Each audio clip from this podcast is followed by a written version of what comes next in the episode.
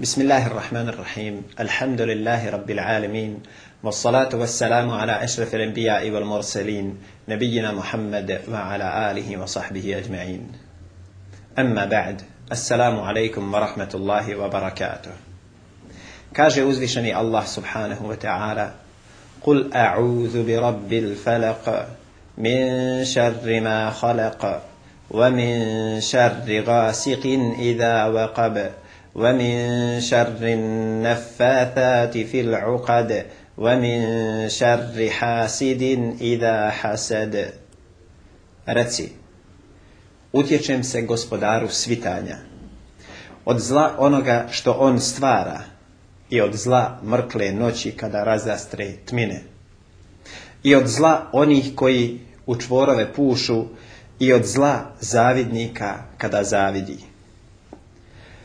Sura El falaq objavljena je u Mekki, a ima svega pet ajeta. Uzvišeni Allah subhanahu wa ta'ala kaže Kul a'udhu bi rabbil Reci, utječem se gospodaru svitanja. O tome šta znači riječ al falaq izneseno je mnogo mišljenja.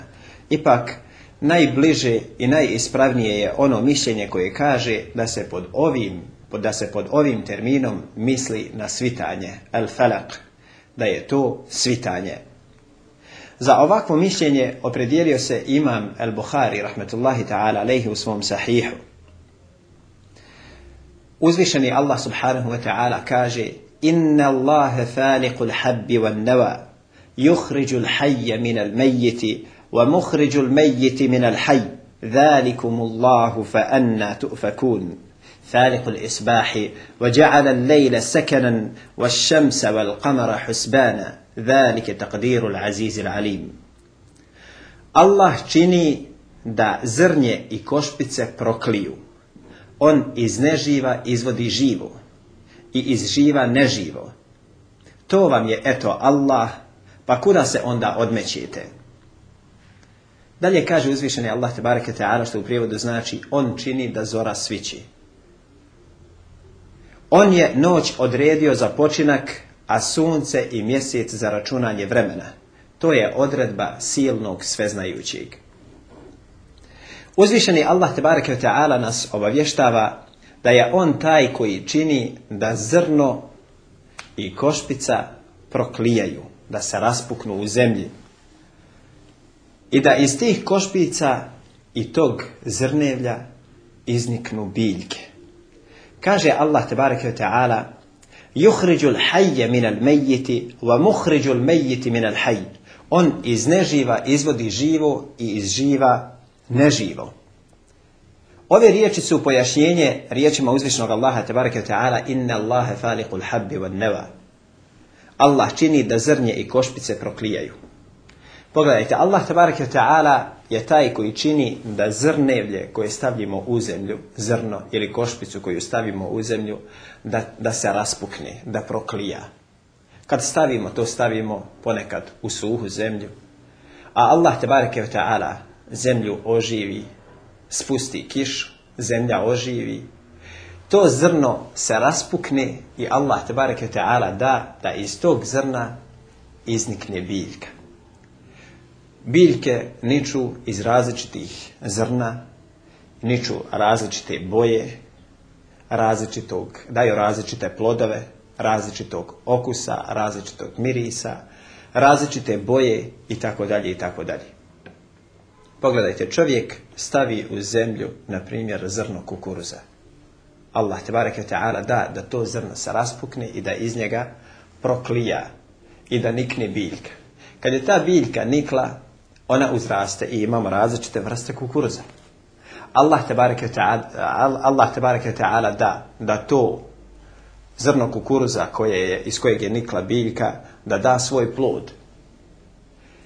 Stadljika je zelene boje, a Allah Đelešanu da, da taj plod bude u početku onako e, blage boje Blijede boje, pa ona jača, jača, zreli, zreli, zreli, sve dok ne postane žute boje. Ili boje kukuruza, baš onakve kakve, kakva nam je dobro poznata boja. Allah barek ta'ala daje da to, da to zrno iz kojeg je nikla biljka, iz jednog zrna nikne i da više plodova. I različiti su. Kao što stavimo u zemlju, na primjer, krompir, ili stavimo u zemlju neko drugo e, neku drugu biljku ili ono iz čega Allah te bareke ta'ala daje da, da nikne, da nikne biljka, stavimo u zemlju zrno pšenice, zrno ječma, zrno zobi i tome slično. Ili u zemlju možda stavimo košpu od breskve, šljive i tome slično. I Allah te bareke ta'ala da da nikne, da nikne biljka. Allah te ta'ala je taj koji iz neživog izvodi živo.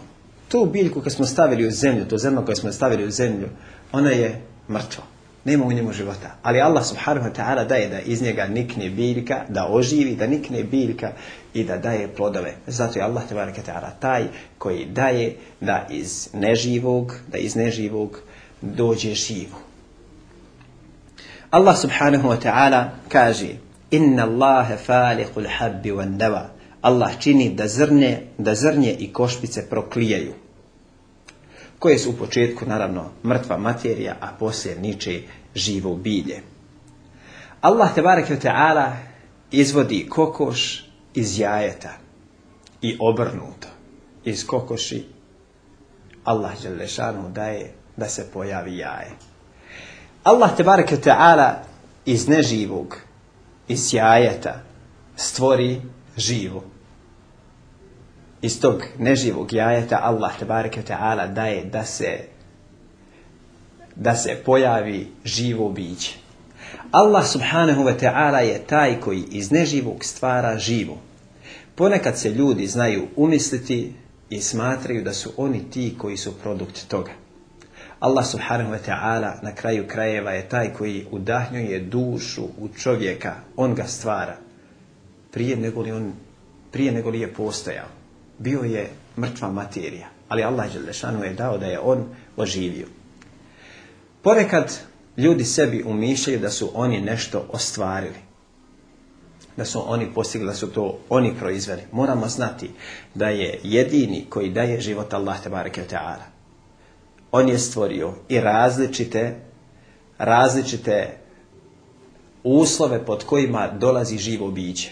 Kako pod različitim uslovima se pojavljuje pile, kako se pod različitim uslovima pojavljuje e, plod ili živo biće od krave, pod kakvim uslovima se pojavljuje živo biće, ljudsko živo biće i tako dalje i tako dalje. Kako iz zrna nikne živo biće, i tako dalje. Allah te barek ta'ala je taj koji je dao da u različitim okolnostima se pojavljuju različita živa bića. I to je sve moć uzvišnog Allaha subhanahu wa ta'ala. Kada kažemo da je Allah Želešanu taj koji iz neživog, koji iz živog e, stvara neživo i iz neživog stvara živo. Ponekad se čovjek zna zapitati i kazati ako je neko ubijen, taj čovjek mu je oduzeo život. Ne, on je prouzrokovao da iz njega iziđe život, ali je Allah taj koji mu je uzeo život. Allah subhanahu wa ta'ala je taj koji uzima život, a nije čovjek.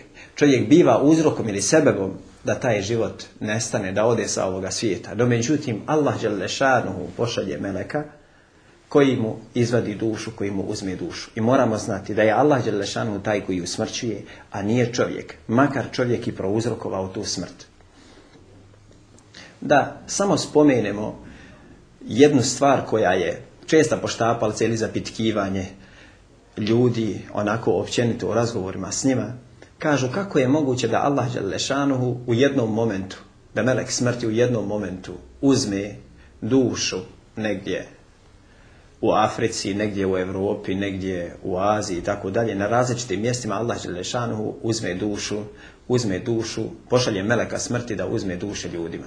Kako je to moguće? Nemojte svijet gajba poimati svojim razumom, to jest pokušati da ga obuhvatite svojim razumom. Mi mislimo da ponekad ljudi zamišljaju da je ono što je svijet gajba, da to može da poima, da sve do u detalje poima svojim, svojim razumom. Ne može. Allah tebareke Ara je dao brzinu kretanja melekima i džinima, veću negoli brzinu kretanja ljudi. Drugo, snaga, snaga i veličina meleka nije kao snaga i veličina čovjeka. Zato ne pokušavajte da u potpunosti da u potpunosti obuhvatite svijet gleba u smislu da pokušate prodrijeti u suštinu i srž toga i da to poimate svojim razumom. Ne. Svijet gleba dužni smo da vjerujemo, o nekim detaljima smo upoznati, ali mi detalje gajba možemo znati samo na osnovu objave, jer Allah nas je obavijestio određenim stvarima kako se one razvijaju i u njih vjerujemo na takav način. No međutim, ne možemo prodrijeti i ne možemo mi pokušati da svojim razumom prodrijemo u stvari o kojima nismo obaviješteni. Znači, nemojte uplitati razum da razumijete ono o čemu nismo obaviješteni, jer to je nemoguće. Nemoguće je saznati ono ono što nam je Allah Đelešanu uskratio, to jest nije nas o tome obavijestio. O svijetu gajba moramo imati potporu u šarijatu. Ako bi se neko zapitao kako je moguće da nam neko u budućnosti, znači da nam kaže šta će se dešavati u budućnosti. Ili kada će nastupiti smak svijeta? Pitanje koje ljudi često postavljaju i pitanje o kome ljudi diskutuju i ljudi kaže desit će se smak svijeta tad i tad desit će se smak svijeta tad i tad. I stalno to pomjeraju. Zašto? Kada će nastupiti sudnji dan? To nije u našoj mogućnosti, u našoj moći da mi to saznamo. Meta sa'a. Džibril, alaihi salatu wasalam, je upitao Muhammeda, sallallahu alaihi wasalam, meta sa'a. Kada će sudnji dan? Šta mu je odgovorio? Mel ulu anha bi a'alama mine sa'il. Onaj koji je upitan, ništa više ne zna od onoga koji pita. Muhammed, sallallahu alaihi sellem ništa više o nastupanju sudnjeg dana ne zna od Džibrila, a ni Džibril o tom ništa ne zna. Zašto? Zato što je znanje o tome zadržao Allah te ta'ala za sebe. I ne može čovjek uopće ni pokušavati takve stvari, ne smije se upuštati u takve stvari, jer od vjerovanja u gajb jeste da mi nismo obavješteni o tome kada će nastupiti sudnji dan, nemojte se takvim stvarima opterećavati, niti vjerujte onima koji vam takve stvari prezentuju i plasiraju da je istina ono što oni govori. Zato živite u rahatluku, robujte Allahu Đelešanu, bez bilo kakvih opterećenja, bez bilo kakvih predrasuda i tako dalje. Juhređul hajje minel mejiti, wa muhređul mejiti minel haj. On izživa neživo, on iz živa, on izvodi živo iz neživa. muhriđul الْمَيِّتِ مِنَ الْحَيِّ I on iz neživa izvodi živo. Allah je taj u čijim rukama je i život i smrt. On nam može život dati kao što nam ga je dao i on nam taj život uzima. A naglašavam, čovjek može biti sebebom ili uzrokom da čovjeku bude oduzet život, ali Allah je taj koji čovjeku uzima život. Allah te ve ta'ala shodno ovom kuranskom ajetu izvodi hajirli dijete i dobro dijete od lošeg roditelja. I od dobrog roditelja izvodi loše dijete. Pogledajte, uzvišeni Allah subhanahu wa ta'ala je učinio ljude ili mjerilo među ljudima bogobojaznost. Čovjek je dobar koliko je bogobojazan. Inne akramakum inda Allahi atqakum. Najbolji od vas su oni koji su kod Allaha su oni koji su najbogobojazni. Što je čovjek bogobojazniji, on je volji kod Allaha dželle Inna akramakum inda Allahi atqakum. Najbolji od vas kod Allaha su oni koji su najbogobojazniji. Mjerilo je bogobojaznost. Počesto su ljudi sebi uzeli za pravo da ljude ocjenjuju i da govore o njihovom karakteru i njihovoj vrijednosti ili njihovoj nevrijednosti na osnovu njihovih roditelja, predaka i tako dalje i tako dalje. Allah Đelešanu daje da od dobrog i hajirli roditelja pojavi se dijete koje nije tako. I da od lošeg roditelja Allah šanu da da se pojavi dobro dijete. Zato nemojte suditi ljudima na osnovu onoga što su uradili njihovi roditelji. Koliko slučajeva imamo, otac je bio notorni alkoholičar, a dijete je hajrli pa je bilo sebebom ili uzrokom da se čak i roditelj na kraju promijenio i vratio se Allahu Đalešanu. Kao što imamo slučajeva od dobrih i hajrlih insana koji su robovali Allahu Đalešanu, pojavili su se potomci koji ne robuju Allahu Đalešanu i koji ne veličaju uzvišenog Allaha Đalešanu. Zato moramo znati da je naš gospodar taj koji čini da se takve stvari dešavaju. Ali mi kao ljudi moramo cijeniti i poštovati ljude naspram njihove bogobojaznosti. Inne ekramakum inda Allahi etkakum, najbolji od vas su oni koji su najbolji, koji su najbogobojazni. Zato nemojte ljude ocjenjivati na osnovu mjesta odakle potiču, na osnovu porijekla koje vode, na osnovu njihove loze, na osnovu neuspjeha njihovih roditelja i tome slično. Često naši ljudi imaju običaj kazati, moj babo je bio hađija, moj djed je bio hađija, moj komšija je bio hađija. Diči se i ponosi se komšijom, babom, djedom i tako dalje. Kaže jedan od naših predaka, dobri li su predci to bili, ali kako su potomstvo ostavili. Dobri su predci bili, ali kakvi su potomci.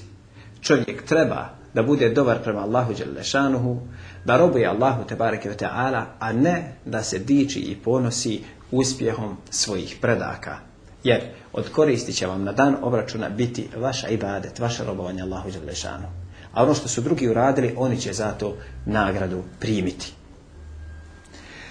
Allah Tebareke ve Teala izvodi iz neživa živo i iz živog neživo. Velikumullah fa anna tu'fakun. Eto, to vam je Allah. Pa kuda se onda odmećete? Sve ovo što smo spomenuli, da on iz živog izvodi neživo, da iz neživog izvodi živo, to je Allah. To je Allah. Pa kuda se čovjek nakon svega toga odmeći? Kuda čovjek ide? Zašto ostavlja istinu, a drži se neistine? Zašto odabire put grijeha, a ostavlja put pokornosti Allahu te ta'ala? Kada vidi moć uzvišenog Allaha subhanahu wa ta'ala, da od kapljice sjemena pojavi se živo biće, Allah ga stvori. Da od košpice pojavi se biljka i tako dalje. Kaže Allah tabaraka ta'ala, fa pa kuda se onda odmećete? Zašto ostavljate istinu, a prihvatate se neistine? Faliqul isbahi wa ja'ala lejle sekena. On čini da zora svići Allah Želešanu učini da zora sviće. Falikul isbah. On čini da zora sviće. Vaja'ala lejle sekanan. I on je noć odredio za počinak. Allah Želešanuhu je taj koji daje da zora sviće. Kul a'udhu bi rabbil falak. Reci, utječem se gospodaru svitanja. On je gospodar svitanja. On je taj koji daje, da se da zora svane. Vaja'ala lejle sekanan i on je noć odredio za, počinjak, za počinak. On je odredio da noć bude vrijeme odmora. On je noć odredio da se čovjek odmori od svojih svakodnevnih obaveza, od svega onoga što čovjek radi i učinio je vađa'ala lejle sekena i on je noć učinio smirajem. Seken na arapskom jeziku može da znači i smiraj, smirenost. On je učinio noć vremenom za smirenje, za smiranje, da se čovjek odmori, da, čovjek, da se čovjek od svojih svakodnevnih obaveza odmori, da dođe sebi i da sutra svjež probudi se, pa klanja sabah namaz i nastavlja sa svojim daljim aktivnostima. On je taj koji čini da zora svane, i on je taj koji je noć odredio vremenom za odmor, za počinak. Allah Želešanu kaže Faliq al-isbahi wa al wal qamara husbana On je učinio da zora sviće On je noć odredio za počinak A sunce i mjesec za računanje vremena Allah Želešanu je učinio da se sunce kreće svojom putanjom i da se mjesec kreće svojom ustaljenom putanjom. Allah Želešanu je dao da se ova dva, da se ova dva njegova ajeta kreću i da to bude način računanja vremena. I to je sve po određenom preciznom sistemu koji se ne mijenja i ne remeti. Ako bi se neko zapitao kako to dan se smanjuje, dan se produžava, jeste, to je sve odredba našeg gospodara. To je sve odredba našeg gospodara i to je tako programirano. Kako se ne desi da u zimskom periodu, na primjer, sunce zađe na večer u pola devet kod nas? A u ljetnom periodu se dešava. I svake godine sunce se kreće tom istom putanju. A Allah lešanu će, kada on bude htio, kada se pojavi veliki preznak sudnjeg dana, narediti suncu da se vrati odakle je došlo. Kada se sunce pojavi sa zapada, neće više tada biti te ili pokajanja. A zapamtite, kao što sunce izlazi sa istoka svako jutro, tako će se pojaviti sa zapada i to će biti veliki preznak sudnjeg dana, jedan od velikih preznaka sudnjeg dana i nema više teube i pokajanja. Tada će ljudi koji budu živjeli u tom periodu znati da nema više spasa i da nema više ni mogućnosti pokajanja ni traženja oprosta. Velike takdirul azizil alim. To je odredba silnoga i sveznajućeg. Uzvišen je Allah tabaraka ta'ala nam spominje i govori nam kako on iz živog izvodi neživo, iz neživog izvodi živo i govori nam o svojim odredbama, o onome što je on odredio da se dešava u ovom pojavnom svijetu. O tome kako je on učinio da zora svići, o tome kako je on učinio noć za počinak, o tome kako je on sunce i mjesec odredio da se kreću za računanje vremena, da imamo na osnovu čega da računamo vrijeme. I Allah te ta'ala na kraju kuranskog ajta kaže To je odredba silnog i sveznajućeg. Allah je silni i sveznajući. On sve zna. Kada je u pitanju ovo Allahovo tebareke ta'ala sveznanje, želio bih malo da približim ljudskim umovima Allahovo tebareke ta'ala znanje. Čovjek čuje ove riječi, čuje da je Allah i sve zna. A da li zastane na ovim riječima pa se zapita za obsežnost Allahovog te ta'ala znanja. On je sve znajući. Šta to znači? On sve zna. On zna i šta mi tajimo u svojim grudima. On zna šta mi javno iznosimo. On zna šta mi učinimo u javnosti, šta učinimo u tajnosti. On je sveznajući. Nemoj misliti da se može išta desiti da to naš gospodar ne zna. Ništa se ne može desiti da to naš gospodar ne zna. Jedne prilike Omer ibn Khattab radijallahu ta'ala anhu je prolazeći ulicama Medine u vrijeme kada je bio namjesnik naišao pored jedne kuće gdje su majka i kćerka pripremale, pripremale mlijeko za prodaju. Pa majka savjetuje svoju kćerku da malo doda vode u mlijeko, da napravi prevar. Da malo doda vode, da bude malo više mlijeka prilikom prodaje. A kćerka to odbija i neće to da uradi. Pa kaže, majka, ne vidi Omer. Kaže, ali vidi gospodar Omerov. Ne vidi Omer. Omer ne vidi da ćemo mi dodati mlijeko. Omer je halifa pa bi mogao da, da izrekne šariatsku kaznu za to. Da poduzme mjere za to. Za prevaru. Jer se ne smije varati. Teško onima koji pri mjerenju zakidaju. Pri vaganju zakidaju. Pa kaže ova bogobojasna žena. Kćerka. Kaže vidi gospodar Omeru. Vidi Allah lešanu To se svidjelo Omeru radi Allahu ta'ala anhu. I ženio je svoga sina upravo tom djevojku. Zato što je vidio bogobojaznost. Znao, ova djevojka je znala da ne smije da vara radi Allaha te ta'ala. I ako nas niko od ljudi ne vidi, moramo znati da nas vidi gospodar ljudi. Da nas vidi uzvišeni Allah Želešanu i da ništa ne smijemo sakriti. Mi ćemo se ustročavati, stidit ćemo se pred ljudima, prikrićemo neke stvari, sakrićemo od ljudi, jel tako? Međutim, moramo biti, mora nam biti na umu i moramo znati da nas naš gospodar vidi. A najpreći koga se trebamo stiditi je upravo naš gospodar. Jer ništa ne možemo sakriti. I kada smo sami, kada smo sami u prostoriji, moramo znati da nas Allah Đelešanu vidi. On je sveznajući. Naš gospodar zna koliko ima listova u gori. On zna koliko ima travke na zemlji.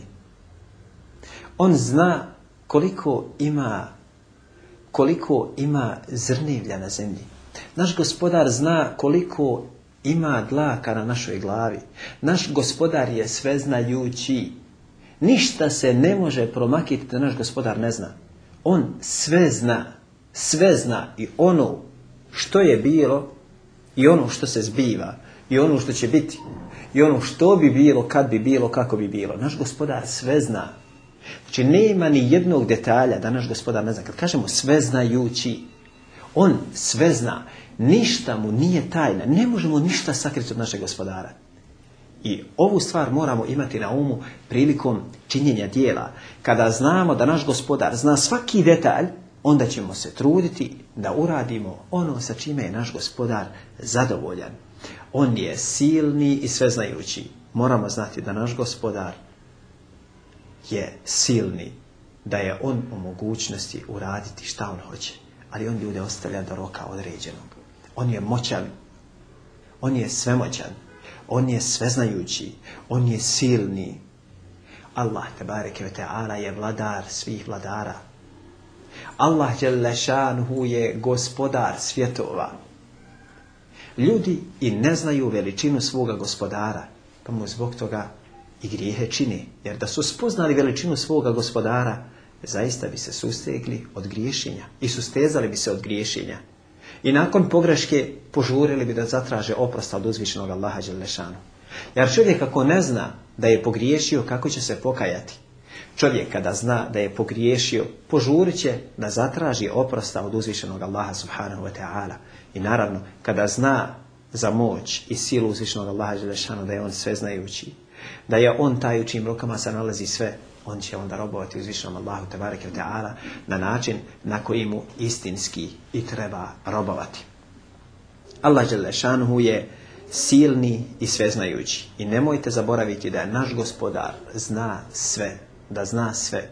I ono što je bilo, i ono što se zbiva, i ono što će biti, i ono što bi bilo, kad bi bilo, kako bi bilo. Znači i pretpostavku ako bi se nešto desilo, naš gospodar je o svemu tome obaviješten i on sve zna. وَمَا قَدَرُ اللَّهَ حَقَّ قَدْرِهِ وَالْأَرْضُ جَمِيعًا قَبَضَتُهُ يَوْمَ الْقِيَامَةِ Oni ne poštuju Allaha onako kako ga treba poštovati. وَمَا قَدَرُ اللَّهَ حَقَّ قَدْرِهِ Oni ne poštuju Allaha onako kako ga treba poštovati. وَالْأَرْضُ جَمِيعًا قَبَضَتُهُ يَوْمَ الْقِيَامَةِ A cijela zemlja će u zahvatu njegove ruke biti. والأرض جميعا قبضته يوم القيامة تيلا زملة تيو زاهوة نيغوي روكي بيتي وقبض ويدنم زاهوة روكي زاهوة شكي والأرض جميعا قبضته يوم القيامة أتيلا زملة تيو زاهوة نيغوي روكي نيغوي روكي بيتي والسماوات مطويات بيمينه أنا بس تيسمتتي سويون دسنسو Allah Đelešanuhu će nebesa, iako vidimo to sil, to veliko zdanje, Allah Đelešanuhu će ih smotati svojom desnicom. Moć i sila uzvišenog Allaha Tebareka a naglašavam i podsjećam da, uzvišenog, da svojstva uzvišenog Allaha Đelešanuhu ne poredimo sa svojstvima njegovih stvarenja. Kaže Allah Tebareka Teara وَمَا قَدَرُ اللَّهَ حَقَّ قَدْرِهِ وَالْأَرْضُ جَمِيعًا قَبْضَتُهُ يَوْمَ الْقِيَامَةِ وَالسَّمَاوَاتُ bi بِيَمِينِهِ oni ne poštuju Allaha onako kako ga trebaju poštovati. A cijela zemlja će u zahvatu njegove ruke biti, a nebesa će svojom desnicom smotati. Allah će nebesa svojom, svojom desnicom smotati. To je sila i moć našeg gospodara. On je svemoćni, silni, sveznajući. Zato ga trebamo robovati. Trebamo shvatiti da ništa ne možemo uraditi, a da to naš gospodar ne zna i da on nije u stanju mogućnosti da nas kazni. Zašto se čovjek ne okrene oko sebe? Zašto ga, zašto ga ponese i meta koje mu je dao uzvišeni Allah? Zašto ga ponese zdravlje koje mu je dao uzvišeni Allah? Zdravlje ga ponese pa on misli da je on silan, on svoju silu pokušava ispoljiti, pokazuje da je on neka sila, da je on, da je on snažan, da on može da radi šta on hoće. Pokazuje miskin jadnik svoju silu. A otvorite mu vrata i otvorite mu prozor i promaha ga promaha ga uvije. Vidite, to je, to je čovjek, slabost njegova. Šta je on u mogućnosti da uradi? Šta je on u mogućnosti da se odupre tome? Prehlada, gripa i sve ostalo. To je čovjek, to je sila njegova. A da ne govorimo o tome kako ga godine, kako godine prolazi, gubi svoju snagu. Za svega nekoliko godina nema više snage. A da ne govorimo o tome kad naš gospodar uzme blagodat stravlja, pa da čovjeku bolest kad padne na postelju, ili kad počne tijelo da se gubi, kad počnu kosti da se, da, da se tope, da kažemo tako, gdje je onda sila koju je čovjek pokazivao? Moramo znati da je naš gospodar silni, sveznajući i svemoćni, a mi smo samo njegovi robovi.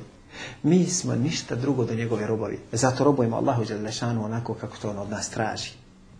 On je taj koji je sve stvorio, koje kome se sve treba podčiniti i kome sve treba robovati. Kaže uzvišeni Allah tebareke ta'ala Kul a'udhu bi rabbil Reci, utječem se gospodaru svitanja.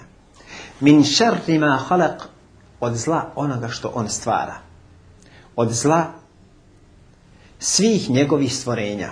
I ljudi, i džina, i životinja, i svega ostalog. Pogledajte ove suri. Kaže Allah tebareke ta'ala Kul أَعُوذُ Reci, utječem se gospodaru svitanja. Min شَرِّ halak. Od zla onoga što on stvara. Jednom riječju čovjek se utječe Allahu od svega onoga što, što je Allah tebareke ta'ala stvorio.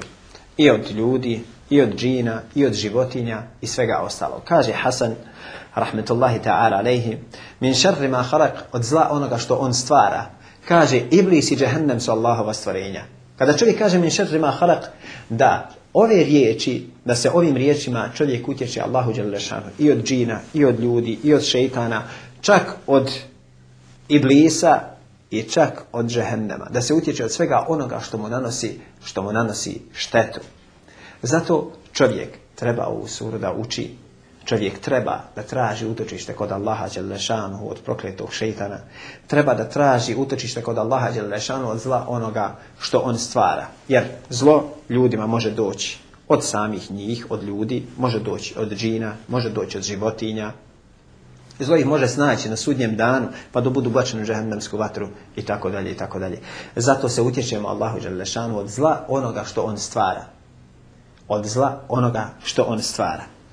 كاش الله تبارك وتعالى قل أعوذ برب الفلق من شر ما خلق رتي وتشمس الله غسبدار رتي وتشمس غسبدار سفيتانيا من شر ما خلق الزلاء ونقشت أنستفارا ومن شر غاسق إذا وقب يدزلا مركل نوشي كدراز استري تمنى كاجي مجاهد دا أوه ريكي زناتي da se čovjek utječe Allahu Đalešanu od noćne tmine koja obavije zemlju kada zađe sunce. Ovo mišljenje se prenosi od imama Buharije, Ibn Abbas, radijallahu ta'ala anhuma i drugih. وَمِنْ شَرِّ i da وَقَبْ I od zla mrkle noći kada razastre tmine. Neki kažu da se pod ovim riječima misli na mjesec, da se utječemo Allahu Đalešanuhu od mjeseca. A šta je dokaz za to? Dokaz za to je hadith koga bilježi imam, e, Ahmed, rahmetullahi ta'ala od Harisa ibn Seleme, ibn Abi Seleme, da je Aisha radijallahu ta'ala anha rekla Poslanik me je uzeo za ruku i pokazao na mjesec kada je izašao i rekao, pokazao na mjesec. Zatraži, kod Allaha, zatraži od Allaha da te sačuva od ovoga kada se pomoli. Da te sačuva od mjeseca kada se pomoli. Ovaj hadith bilježi isto tako imam al-Bukhari i imam an-Nasai. Oni koji zastupaju ovo mišljenje kažu da je mjesec znak noći. Kad mjesec dolazi do izražaja? Mjesec dolazi do izražaja kada se spusti noć. Zato ovo mišljenje nije uopće kontradiktorno mišljenju e, onih koji kažu da ove riječi znači da da se utječemo Allahu Đelešanu od zla mrkle noći kada razastre tmine. Jer mjesec je znak noći. On je, on dolazi do izražaja u noći. Kao što i zvijezda dolazi do izražaja u noć kada noć razastre svoje tmine, pojavljuje se mjesec, pojavljuju se zvijezde, tako da nema nikakve kontradiktornosti između ovog i prethodno spomenutog mišljenja. Kaže Allah te wa ta'ala وَمِنْ I utječem se Allahu وَمِنْ I od zla onih koji u čvorove pušu. Od zla onih koji naprave čvor, začaraju i pušu u njega spravljajući, spravljajući sihrove, spra, ljude. min šarri nafathati fil uqad Od zla onih upotrebljen termin žene, od onih koje pušu u čvorave. Zašto je upotrebljen termin ili upozorenje da se odnosi na ženski rod? Samo zato što su žene više izložene ovom.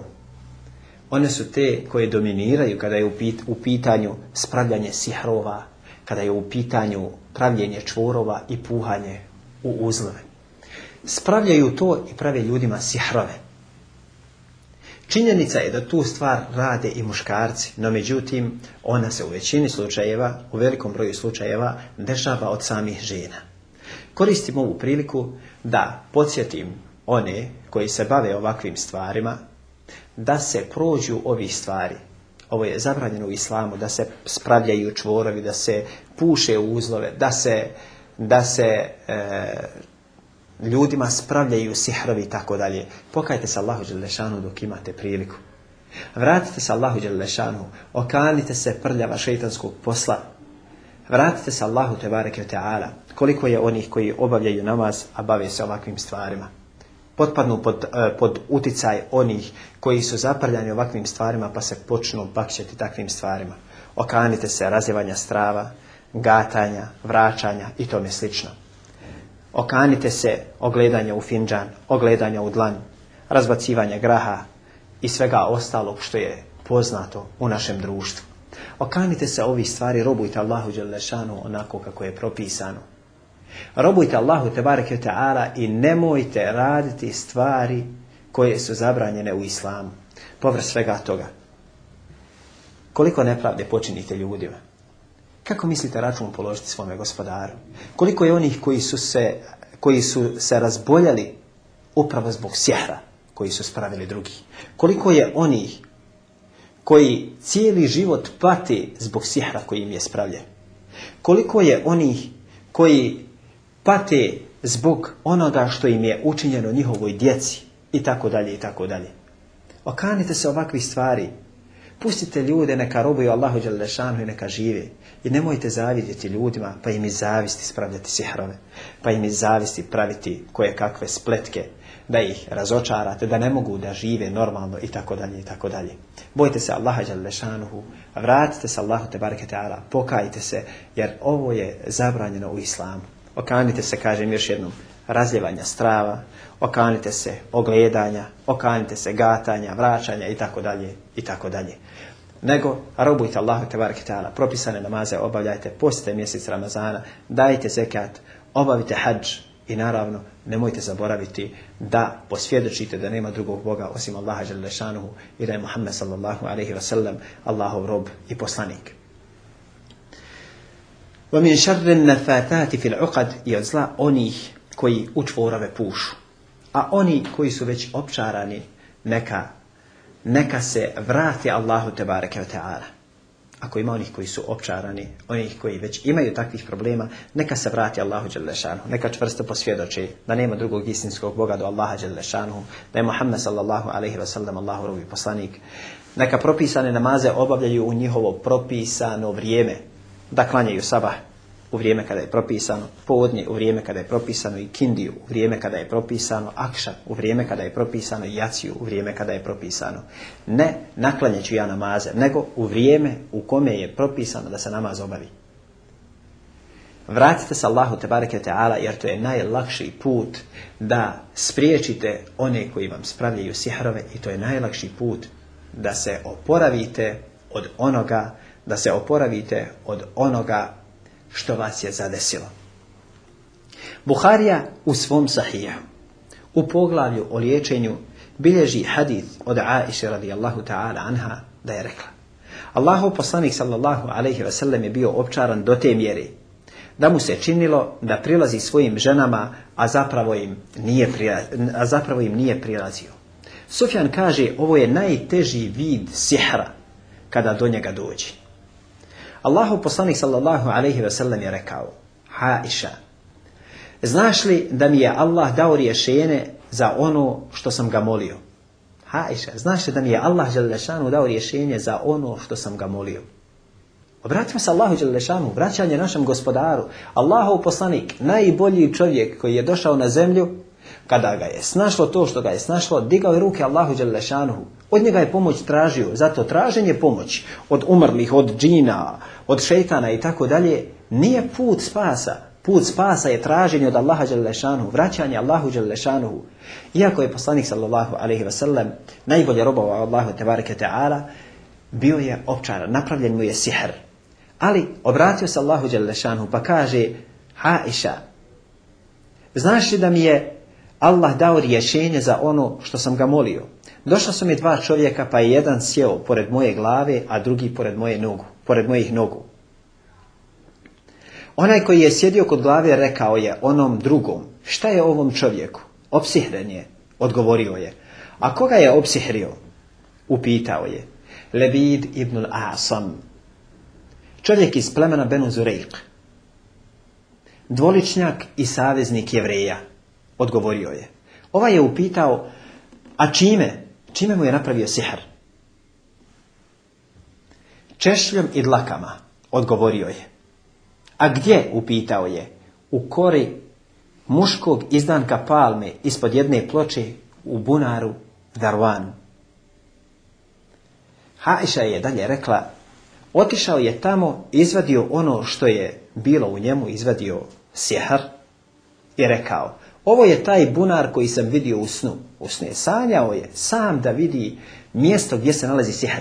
Zato ako je čovjek opsihren, moli Allaha Đalešanu, obraća se njemu, možda mu Allah Đalešanu pokaže usno mjesto gdje se nalazi sihr, pa da ode i da taj sihr nađe. I da taj sihr na takav način uništi, da se riješi toga. Ali robovanje Allahu Đalešanu, robovanje Allahu Tebareke Teala, nemojte činiti ono što je Poznato da ljudi radi, odoh ja nekom da meni neko klanja istiharu, odoh ja nekom, neka to neko drugi uradi za mene. Ne, ti robuj Allahu Đelešanu. Istihara namaz je namaz koji čovjek klanja kada treba da donese neku odluku. To je istihara namaz. Nije istihara namaz, odoh ja nekom nek neko klanja za mene istiharu namaz pa da ja vidim šta će biti. Pa ti onda još pukne koje kakve patke, kaže ti da on klanja 20, 30, 40 noći, pa se njemu dalno to i to. Istihara namaz je namaz koji klanjaš ti kod svoje kuće, klanjaš dva rekata namaza, dva rekata, kao dva rekata sabatskog sunneta ili farza. Klanjaš dva rekata i prije nego što predaš selam, proučiš dovu. Ako ne znaš dovu, imaš dovu u knjižici koja se zove zaštita svakog, e, zaštita svakog muslimana, Hisnul muslim. Pronađi tu dovu, naučiš. To je dova se uči prije nego predaješ selam i to je to. Ne da ideš ti ljudima tražeći od njih da oni klanjaju istiharu za tebe. Zašto će neko klanjati za tebe? Još ti govori, kon sam ja 20, znači 30, znači 40, noći sam ja klanju, i meni se objelodalno to i to. Još ti dođi i kaže, to ti je, to se meni objelodalno i ti to pohraniš u svoj mozak i cijelo vrijeme si opterećen time misliš da je to to. Da je baš on bio 100% u pravu kad je to rekao. Subhanallah, zašto se čovjek opterećuje ovakvim stvarima? Ustani, klanja istiharu namaz, klanje dva rekata i zamoli Allaha Možda ti tvoj gospodar objelodani to u snu. Možda tvoj gospodar te naputi na mjesto gdje je lijek za to. Ali istinska predanost Allahu Đelešanu. Resul sallallahu alaihi ve sellem, iako je dobro robovao Allahu Đelešanu, najbolje robovao Allahu Đelešanu, kada ga je snašlo to što ga je snašlo, obratio se Allahu Đelešanu i molio ga za izlaz iz tog stanja.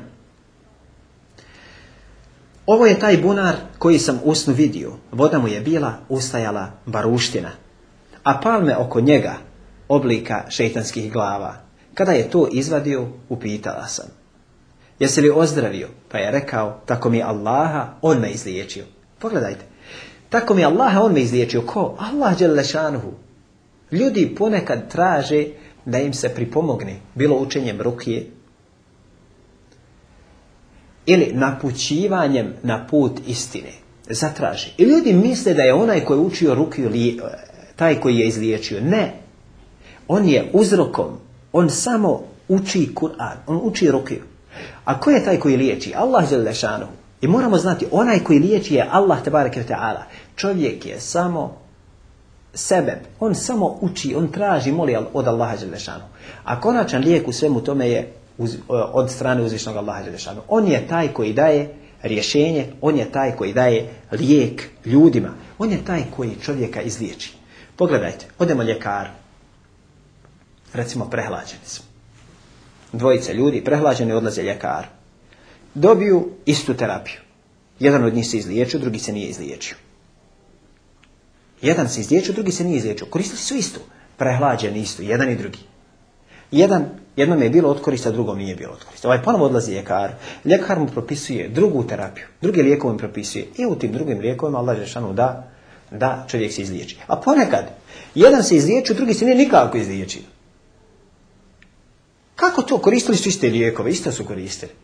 Ovo je samo jedan od dokaza da je Allah taj koji liječi.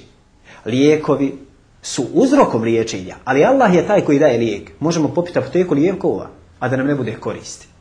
A Allah je taj koji daje lijek. Zato kad se lijek uzima, kaže se bismillah. I moli se Allah da da lijeka u tom lijeku. Jer on je taj u čim rukama je liječenje. On je taj u čim rukama se nalazi, nalazi mogućnost i moć da čovjek da bude izliječen ili da čovjek ne bude izliječen. Allahov poslanik sallallahu alaihi ve sellem i kada je upitan od strane Aisha radijallahu ta'ala anha je li ozdravio, šta kaže? Tako mi Allaha, on me izliječio. Allah Đalešanu je taj koji ga je izliječio. Ne volim da ikome od ljudi nanosim bilo kakvo zlo, Kaže poslanik sallallahu alejhi ve sellem. Ovaj hadit bilježi, bilježi muslim i Ahmed.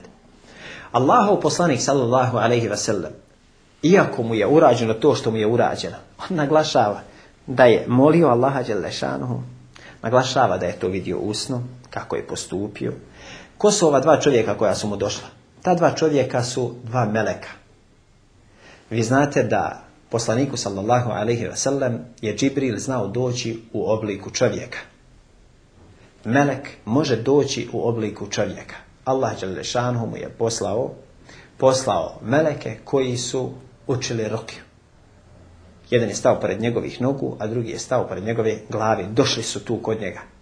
Bio je napućen na mjesto lijeka, otišao je, našao lijek, našao sihr, našao je sihr i bio je ozdravljen.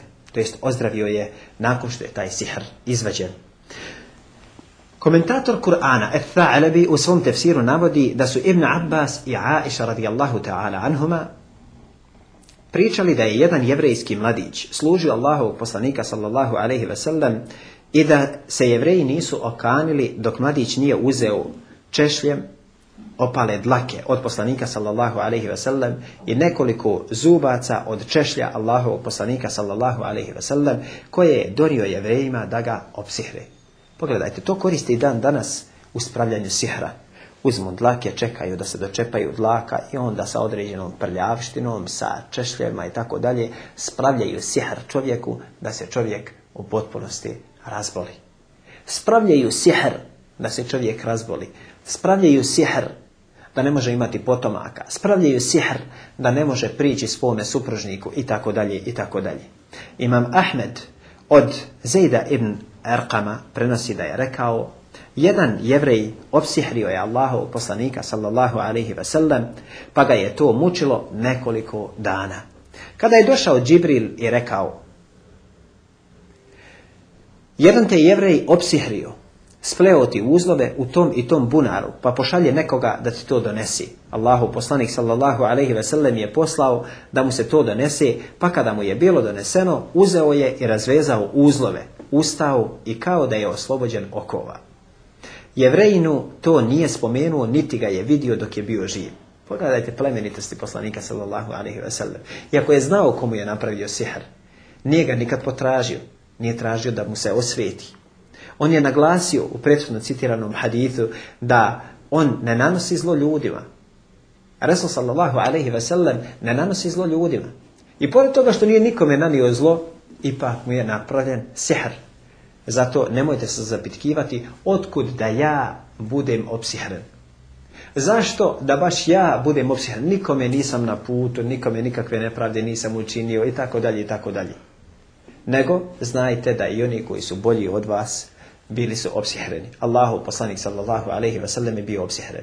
I nemojte to smatrati da kažemo sad nekom mahanu, nego se popravljajte. Allah te ta'ala je učinio da je poslanik sallallahu alejhi ve sellem bio opsihren, to znači da bilo ko drugi mimo njega može da bude opsihren, ali moramo znati da je lijek u Allahovoj tebareke taala knjizi i sunnetu njegovog poslanika sallallahu alejhi ve sellem. Nemojte posezati za zabranjenim metodama, nego se posvetite učenju Kur'ana, slušanju Kur'ana, činjenju dobrih dijela, udaljavanju od grijeha, čvrstom osloncu na Allaha tabareke ta'ala i tako dalje i na takav način ćete uz Allaha tabareke ta'ala pomoć biti bliže ozdravljenju i spriječavanju onoga što dovodi, što dovodi do opsihrenosti. Prije svega, da vam samo spomenem određene stvari koje su nužno potrebne za svakog muslimana. Redovno obavljanje pet dnevnih namaza u propisano vrijeme.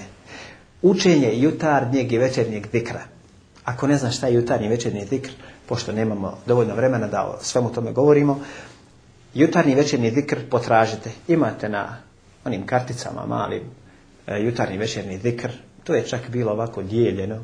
Ili potražite knjigu zaštita svakog muslimana, koja je isto tako bila dijeljena, možda se kod nekog od vas i nalazi u biblioteci ili negdje, negdje u vitrini, a ne znate vrijednost te knjige, zašta svakog, zašta svakog muslimana, to je mala knjižica ovako džepnog formata, u kojoj ćete naći tamo jutarnji i večernji dikr, ujutro iza sabaha i navečer, od ikindije do akšama. Učite te dove, učite dove prije spavanja, kuću riješite i očistite od slika živih bića, od kipova, keramičkih figurica i tome slično, sve to uklonite i sklonite. Nemojte da vam se te stvari nalaze u vašoj kući. Jer kuća u kojoj se nalazi pas, kuća u kojoj se nalazi pas ili slika, slika živog bića, meleki ne ulaze u nju. A kad meleki ne ulaze, ko će stanovati drugi u njoj? Zato kuća se treba očistiti od takvih stvari da čovjek sluša Kur'an, uči Kur'an, da robuje Allahu tebareke ta'ala, da radi ono što je naređeno, ostavi ono što je zabranjeno, da se udalji od griješenja, uz Allahu tebareke ta'ala pomoć mnoge stvari koje ga možda tište i koje ga bole, mnoge stvari će kod njega nestati.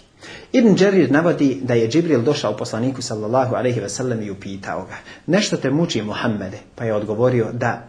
Džibril je tada rekao, u ime Allaha liječim te od svake bolesti koja te muči, od zla zavidnika i oka pakosnika. Neka te Allah izliječi.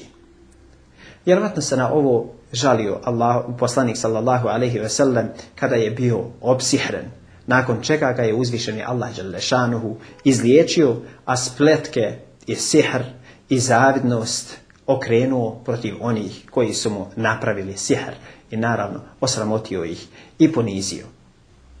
Uprko svemu tome, poslanik sallallahu alaihi wasallam nije ukorio onoga komu je taj sihr napravio.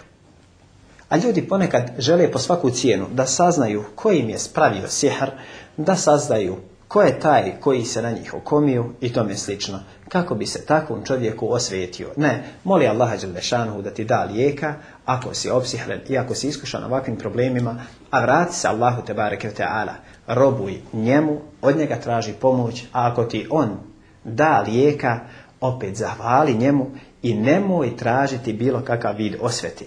Nemoj tražiti da se osvetiš onima koji su ti uradili. Nemoj biti poput onih koji su spremni nepravdu činiti, pa da ti na učinjenu nepravdu učiniš veću, nepravdu i da opet pogriješiš. Nego robuj Allahu Đalešanhu, njega moli da te zaštiti i sačuva. Jer ako te tvoj gospodar zaštiti i sačuva, znaj da ti niko štetu nanijeti ne može. A ako te tvoj gospodar prepusti, niko ti ne može koristiti. Kaže Allah tabaraka wa ta'ala وَنُنَزِّلُ مِنَ الْقُرْآنِ مَا هُوَ شِفَاءٌ وَرَحْمَةٌ لِلْمُؤْمِنِينَ وَلَا يَزِيدُ الظَّالِمِينَ إِلَّا خَسَارًا Mi u Kur'anu objavljujemo ono što je lijek i milost mu'minima. Lijek i milost, lijek i rahmet kome? Mu'minima. ولا يزيد الظالمين إلا خسارا a nevjernicima, silnicima samo propast povećava. Zato Kur'an uzmite kao lijek. Kur'an uzmite kao lijek. Fatiha Rokija. Fatiha sama za sebe lijek. Srž Kur'ana, majka Kur'ana. Imate sura. Kul a'udhu bi rabbil falak. Kul a'udhu bi rabbil nas. Koristite to. Imate najodabraniji ajet u Allahovoj knjizi ajetul kursi. Ili kod nas poznato, u narodu poznata čursidova. Učite to.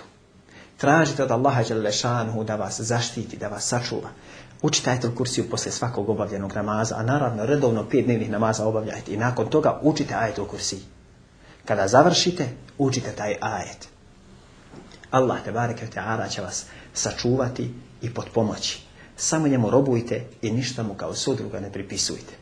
Vaš gospodar, ako vas bude zaštitio, niko vam štetu neće moći nanijeti. A ako vas on ne zaštiti, kad bi cijeli dunjaluk ustao da vam korist donese, ne može vam koristiti.